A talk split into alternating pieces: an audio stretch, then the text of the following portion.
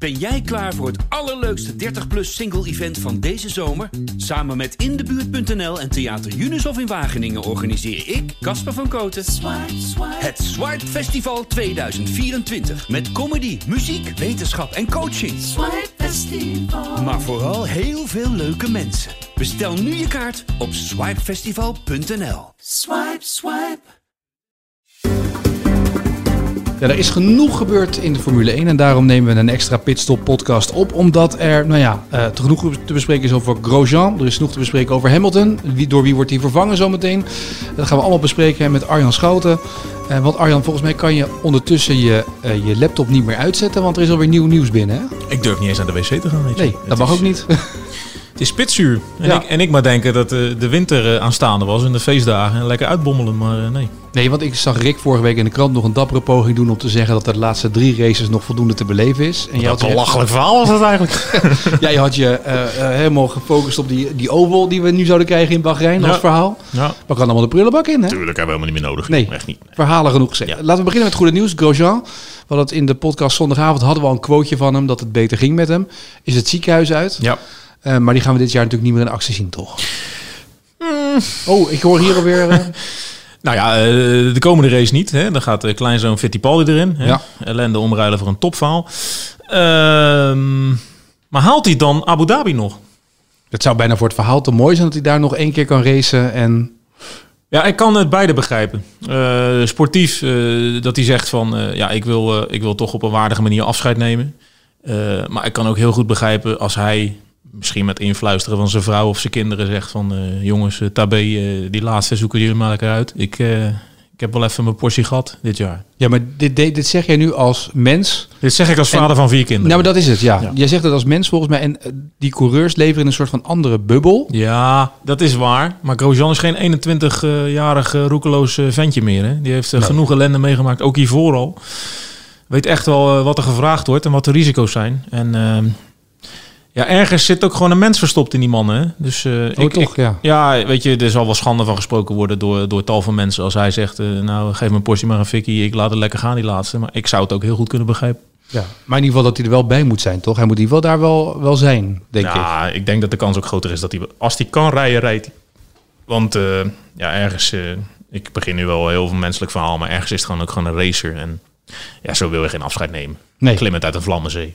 Nee. Nee, dat is niet het laatste beeld dat je wil hebben. Je wil in ieder geval nog in, in. Maar je wil ook niet zielig gevonden worden. Dat je de laatste race bang bent en dat je angst hebt en dat je niet durft te rijden. Dat is de andere kant natuurlijk. Ja, maar ik zou het eigenlijk wel heel verfrissend vinden als hij daar gewoon maling aan heeft. En gewoon zegt, jongens, uh, toedeloe.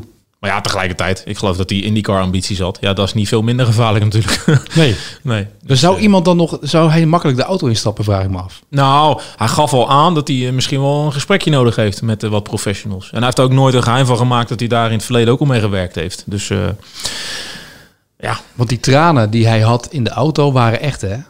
De, die, je zag, dit- ja, nee, dit- dit hij, is- hij heeft ook verteld daarna Ja. van eh, het enige waar ik aan dacht eh, waren mijn, mijn vrouw en mijn kinderen. En eh, dat ik voor hun uit die auto moest klimmen.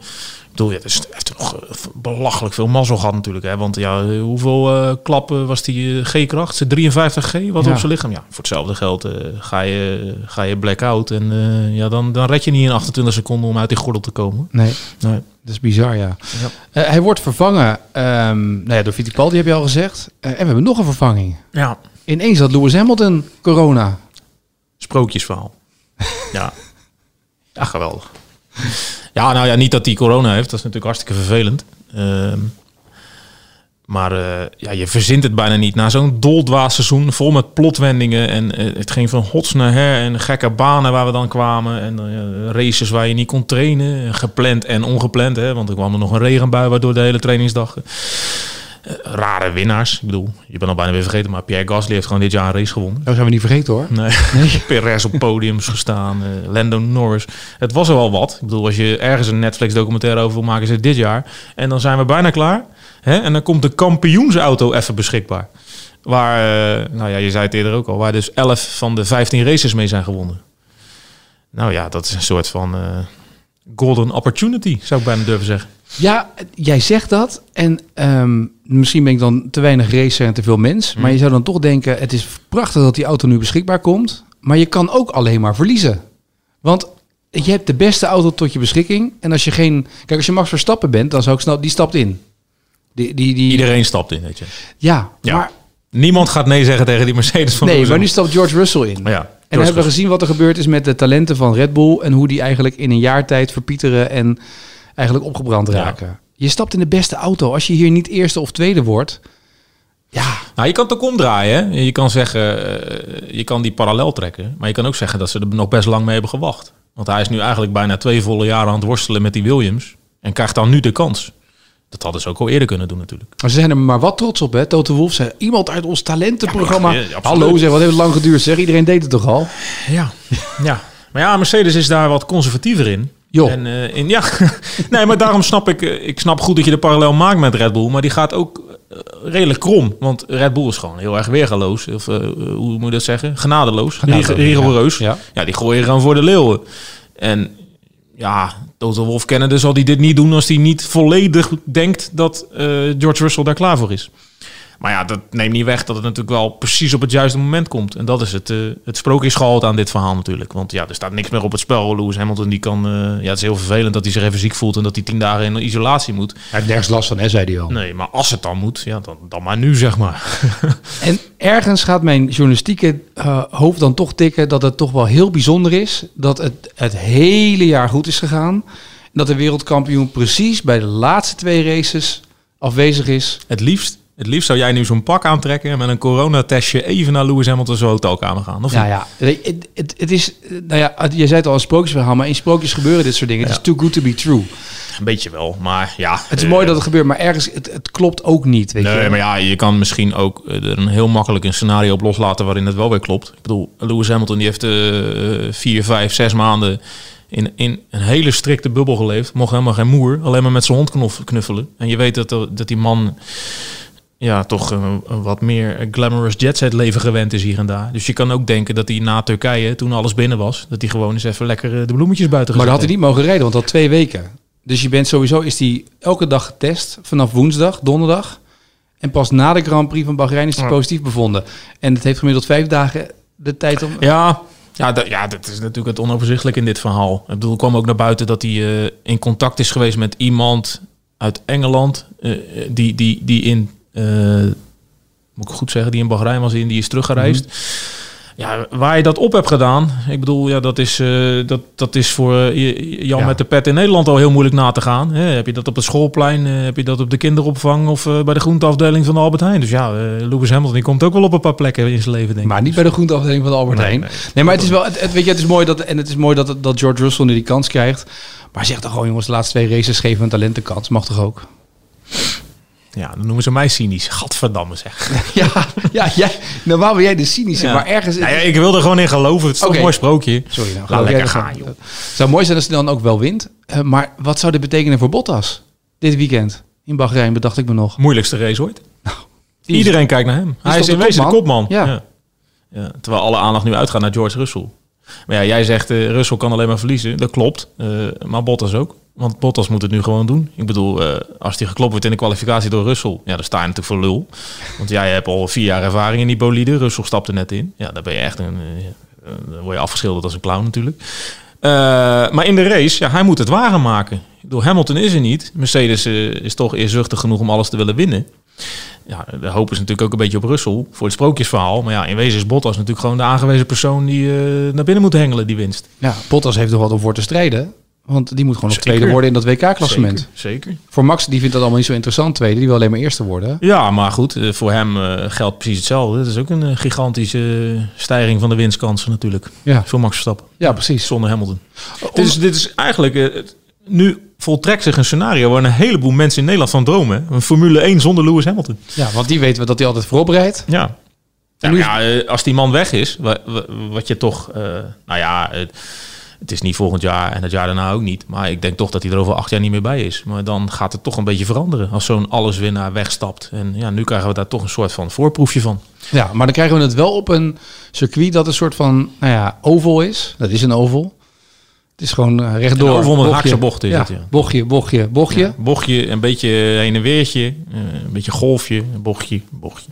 Ja. ja. Uh, dus... ze, je moet eens naar die layout kijken. Ze hebben er dus nog elf bochtpunten op uit kunnen tekenen. Maar dat is heel, dat is heel opportunistisch getekend hoor. Want ja, je kan het ook op een andere manier doen, dan kom je maar tot vijf. Dus, uh, ja. Maar kunnen we daar de vergelijking al aan om te zien wie de best of the rest is nu Lewis er niet is? Nee, Omdat het dus een compleet ander nee. circuit nu is dan normaal? Nou ja, dat weet je natuurlijk nooit. Want hoe gaat dat weekend zich uh, ontvouwen? Misschien wordt het wel uh, een heel bizar weekend. Uh, ja, komt er wel weer regen uit die Arabische hemel. Dat heeft het van de week ook al gedaan. Dus je, je weet toch nooit wat voor omstandigheden het zijn. Maar ja, in wezen is dit natuurlijk niet een heel representatief circuit voor de rest van de kalender. Ik bedoel, nee. Spa en Suzuka zijn wel ietsje moeilijker dan dit Bahreinse. Bij de laatste race volgend jaar, Abu Dhabi. Abu Dhabi, dat ja. is natuurlijk wel, dan is dat representatief. Abu? Dhabi is volgende week representatiever. Dus je mag ergens hopen dat. Um, ja, dit vindt Hamilton niet leuk natuurlijk dat ik dit ga zeggen. Maar je mag ergens hopen dat Russell uh, dan nog in die auto zit. Ja, want dan weten we echt een beetje hoe de krachtverhoudingen zitten Ja. in de Formule 1 als Ja. Lewis er niet bij is.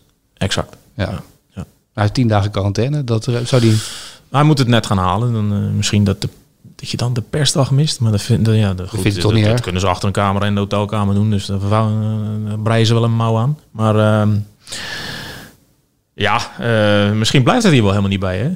Want uh, ja, reken maar dat er nog een paar hertest worden. Wat vind je daar nou eigenlijk van? Drie van de twintig op een jaar. Lance Stroll is positief geweest. Sergio Perez is positief geweest. Ja. Moet je dat eens vertalen naar de Nederlandse bevolking? Want Formule 1 uh, uh, ja, jubelt altijd wel dat die bubbel zo goed werkt. Ja, maar jij gaat, nu, jij gaat het nu kleiner maken op 20 coureurs. Maar ik denk dat je moet kijken naar hoeveel positieve gevallen er zijn in het hele paddock. Daar gaat het uiteindelijk om, toch? Ja, maar die zijn er genoeg. Dat, dat klopt, maar Ja. binnen, het, binnen het rondreizend circus, weet je, het is, het is, ja, weet je, het is bijna ondoenlijk volgens mij. Uh, je kan die mensen niet continu in die bubbel houden. Dus ze houden afstand, ze doen voorzichtig. Maar Perez is nog op en neer geweest toen naar zijn moeder in, in Mexico en weer Ja. teruggekeerd. En toen positief bevonden. Ja, maar ik vraag me dus eigenlijk af, uh, dat snap ik, daar ga ik helemaal in mee. Maar ik vraag me dus af, is het, is het zo veilig als Formule 1 het wil doen voorkomen? Of is het ook, zit er een bepaalde mate van onvermijdelijkheid bij dat je tegen positieve gevallen Ja, ook op de grid aan gaat lopen? Dat is toch zo? Ja. Dit, dit, dit is niet de vraag of je het krijgt, maar wanneer je het krijgt, toch?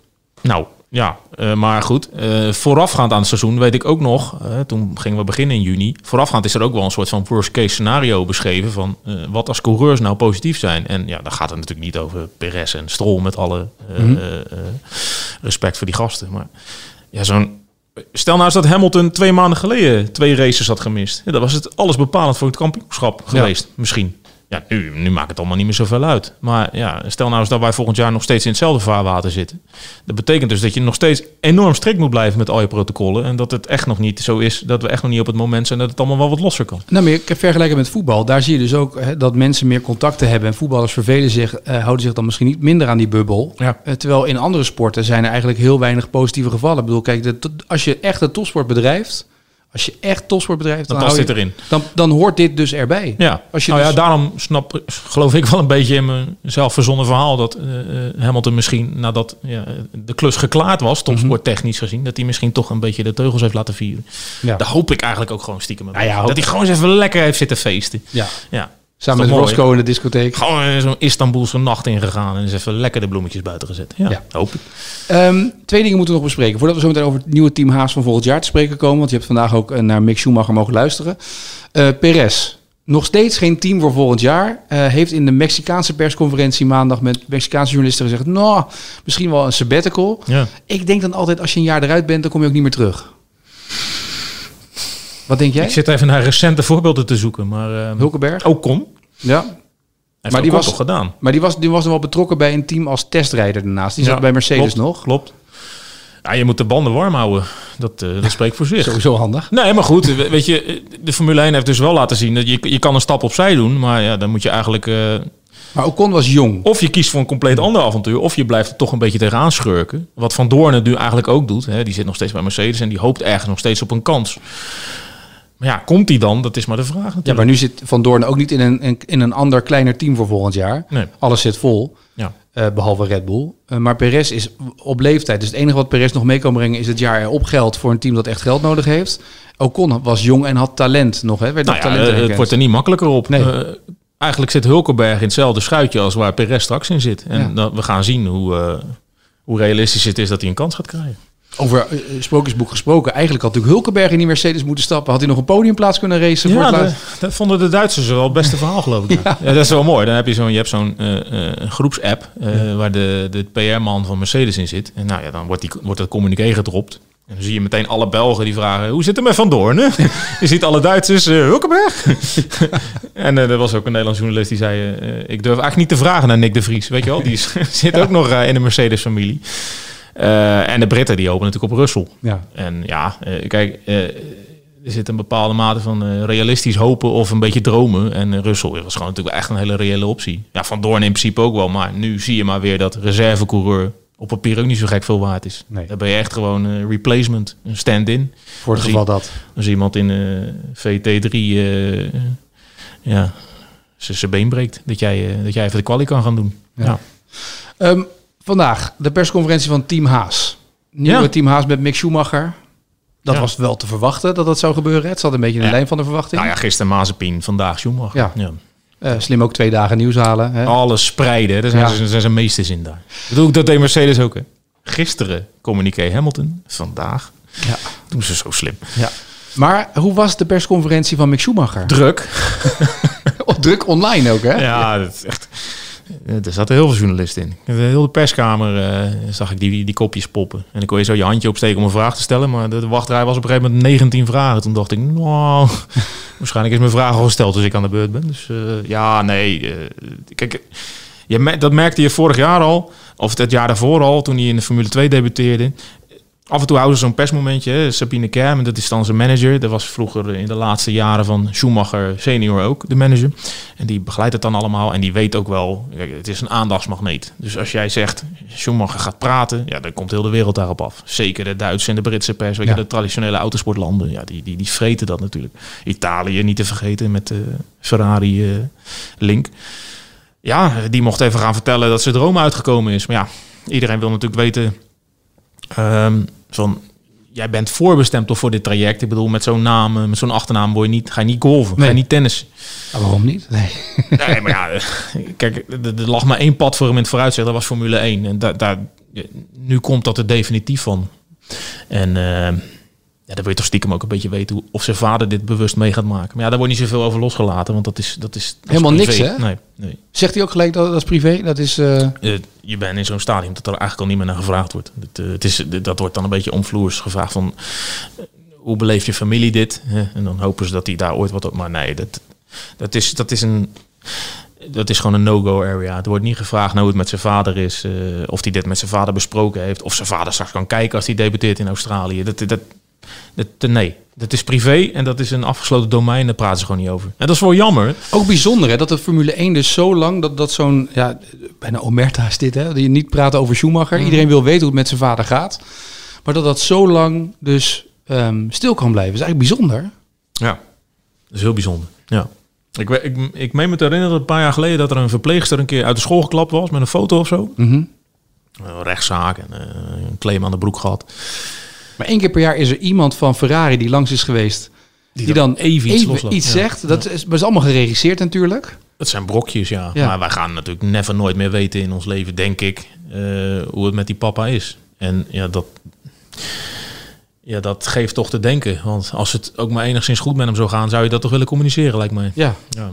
Of je denkt, weet je wat, we, we leven in alle rust en we geven Mick alle ruimte om te Ja. racen zonder dat daar de druk van papa bij zit. Ja, Kan ook, hè? Maar daar ging het dus in die call over. Want, Ja. want Haas neemt wel even iemand aan boord. Hè? Want ja, Romain Grosjean en Kevin Magnussen, allemaal leuk en aardig. Respect voor die gasten. Maar ja, er ligt niemand wakker van dat die nu eh, wat anders gaan doen. Maar Mick Schumacher komt binnen. Dat, dat gaat een enorme boost, eh, een enorme aandachtsbom zijn voor dat team. En daar moeten ze wel op voorbereid zijn. Ook PR-technisch. En die jongen ook een beetje uit de wind houden af en toe. Want ja, de verzoeken die gaan natuurlijk binnenstromen massaal. En nou is één voordeel. Hij is daar zelf behoorlijk aan gewend. Hij kan daar goed mee omgaan.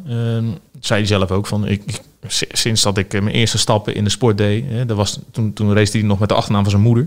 Maar die aandacht is er altijd geweest. Dus in die zin is het leven onder de spotlights niet nieuw voor die jongen.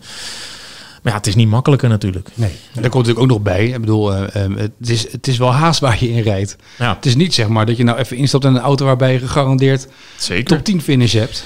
de Schumachers moeten even gaan wennen aan het feit dat uh, uh, de naam Schumacher ook gewoon op de rechterkant van het veld staat. Rechter rijtje kan bungelen, ja. dat is wel zo. Of, of zou Ferrari nu zeggen, weet je, jullie hebben die motoren van die, die kopen jullie van ons. Maar wij gaan jullie natuurlijk volledig op een top helpen om met Haas een topteam te maken. Ja, nou ja, een topteam nou ja, gaat dat ver, want zo snel is het niet te realiseren in zo'n competitieve sport. Maar ja, je zegt wel iets interessants. Je, je, merkt dat er bepaalde krachten in die sport zijn die er alles aan gelegen zijn om, om, om, om die jongen te pushen. Kijk, uh, de drie man die destijds bij Ferrari werkten in, in, de, in de gouden jaren met Michael, die hebben nu allemaal een hoge functie binnen de Formule 1. Dan hebben we het over Jean Todt, hè, nu de topbaas van de FIA. Dan hebben we het over Ross Brown, de sporttechnische baas. En uh, de Italiaan met de moeilijke naam, Stefano uh, Dome, Dome Huppelepup. Die, die, uh, die straks de, de baan van Chase Carey overneemt vanaf 1 januari. Dus ja, daar ging het natuurlijk ook over in die call. Hij weet ook wel dat hij daarop terug kan vallen. En dat dat een bepaald voordeel voor een, voor een rookie is. Dat je, dat je zulke krachtige mensen achter je hebt staan, zeg maar. Die het goede ja, met je voor hebben. Maar die heb je nog niet in een team zitten. En het, het gaat ook uiteindelijk om dat Haas al die spullen inkoopt en zelf ontwikkelt. Maar uh, nog altijd wel moeite heeft gehad het afgelopen jaar. Ja. Om een goede auto te nou, maken. Ja, dat is dus interessant. Want en je hebt ook nog een Ferrari-motor die niet echt draait. Want de randvoorwaarden qua personeel kloppen allemaal. Hè? Want naast die gozer zit Nikita Mazepin. Ik, ik meen dat zijn vader Dimitri 7 miljard dollar waard is zou je toch zeggen dat hij wat sponsorgeld meeneemt? Vriend voor het leven. Ja. en dat vind ik al zo mooi. Dan gaat Gunther Steiner dus lopen vertellen dat hij het ook echt op talent verdient. Hou nou toch op, joh. Doe er niet zo stom. Wat denk je nou? Dat wij een stel uilskuikens zijn achter die laptops. Echt ongelooflijk, die Gunther Steiner. Maar yes, goed. we a really great, great uh, driver ja. here. nou ja, op een gegeven moment gaf hij wel toe. Hij is de perfecte mix tussen talent en geld. Nou, dat, vond, ik, dat vond ik eigenlijk al heel erg mooi. Dat hij dat dan toch deed. Maar goed, net wat je zegt. Je hebt nu de twee jongens. Maar ja, gaat ook maar waarmaken als maar zijn. Ferrari, je hebt ooit gezegd en dat, dat, uh, dat Mick Schumacher bestemd is om in die Ferrari te rijden. Ja. Uh, Ferrari is motorleverancier van Haas. Dus het kan Ferrari bepaalt. Ja, ja, Ferrari heeft toch gewoon bepaald dat Mick Schumacher in deze auto rijdt. En het is leuk dat uh, Mazepin dan erbij komt voor het geld. Maar die hebben gewoon gezegd, je gaat eerst een paar, twee, drie jaar rijden in deze auto. Warm lopen. Warm lopen. We hebben ja. Sainz en Leclerc. Dan kan je zo meteen met Leclerc samen in Ferrari rijden misschien wel, als hij het goed blijft doen.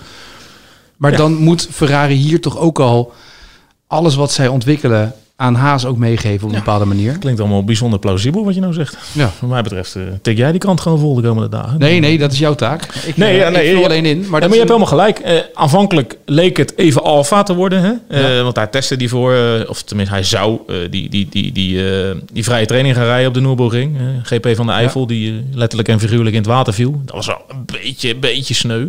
Hè? De grote Mick Schumacher, die komt even een training rijden, wordt er geen meter gereden. Sta je ook een beetje voor lul natuurlijk. Uh, maar op dat moment leek dat ook nog een optie. Maar daarna werd vrij snel duidelijk dat eigenlijk bij Haas het perfecte uh, traject ligt voor, ja, wat jij zegt, in de luwte een beetje warm lopen richting het grote einddoel. En dat is toch uh, dat scharlaken rode bolidetje, zeg maar. Die het nu ook niet zo goed doet, maar die uiteindelijk wel weer eens een keer, misschien wel met de magie van een Schumacher in het team, naar boven moet komen. Maar zou het zo kunnen zijn dat ze zo meteen bij Ferrari alle goede dingen leveren aan Haas en dat Haas gewoon zo, dat hij zo zwaait in die Haas? Naar uh, Sainz en Leclerc. Nee. nou, oh, je bedoelt volgend jaar? Ja, volgend jaar. Dat zou wel mooi dat hij zo er langs gaat en zeggen, ja, het is echt een goede wagen dit. Nou, nu begin je toch wel echt in sprookjes te geloven, volgens mij. Dat komt door jou. Jij begon bij Russell. Ja, dat is waar. Cirkeltje rond. Ja. Ja, vergeten we er ook nog één, hè? Williams moet ook gewoon nog even iemand... Uh, Jack Aitken, die komt in die auto. Dus nog een debutant. En die Fittipaldi die al noemde. Maar ik zag het berichtje van Jack Aitken. Die zei, oh, ik ben zo blij dat ik in Formule... Zo blij. Toen dacht ik, maar je gaat in een Williams rijden. Zo blij. Ja, dat is een beetje alsof je met een Lada... Nee, nee, nee. Het is één van de twintig. Je staat op de grid. Ja, je maar je, op papier net zoveel kans. Ja, maar, nee, maar het, voor die gasten is dat allemaal een einddoel. Als je die onboards allemaal ziet, je ziet die, gasten die Williams alleen maar met die handjes ja, zo sturen, tegensturen, uh, bijsturen. Fred Flintstone auto. Dat is gewoon werken. Ja, ja, het is werken. Ja. Maar goed, hij rijdt wel Formule Je hoort er wel bij, je staat op het lijstje. Ja. Niemand pak je dat meer af. Je kan dus, toch een keer gezegd hebben dat je in de Formule 1 hebt gereden. Ja. En bedoel, ja, uh, je hebt best wel kans om 19e te worden. Als je weet wie er naast je zit bij Williams. Dus, uh, dat is waar. Toch? Klop je teamgenoot. Goed, is maar goed dat Latifi niet geabonneerd is op deze podcast. Dat weet je niet. Nee.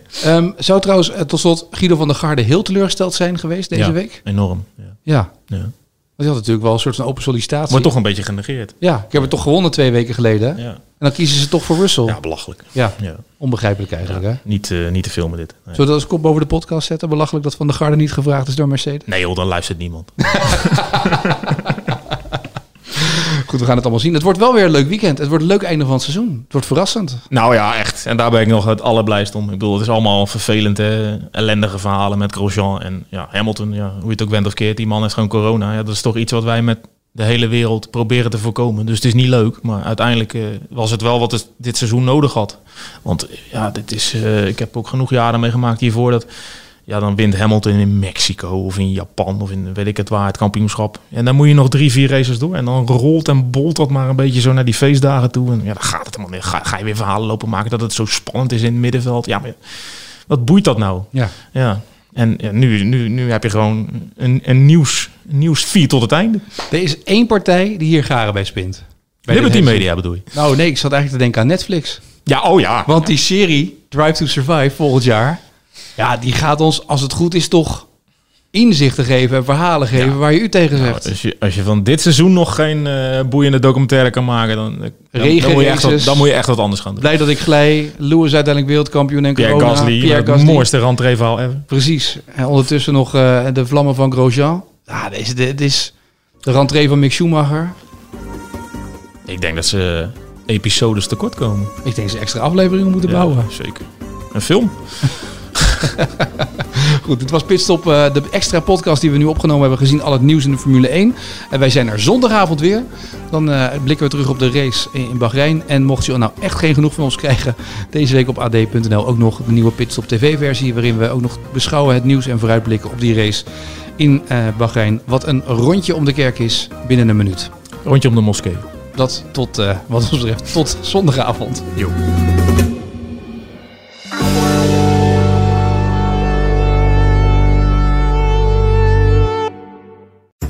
We worden dagelijks overladen met overbodige informatie. En het is moeilijk de zin van de onzin te scheiden. Daarom vertrouw ik op echte journalisten in plaats van meningen.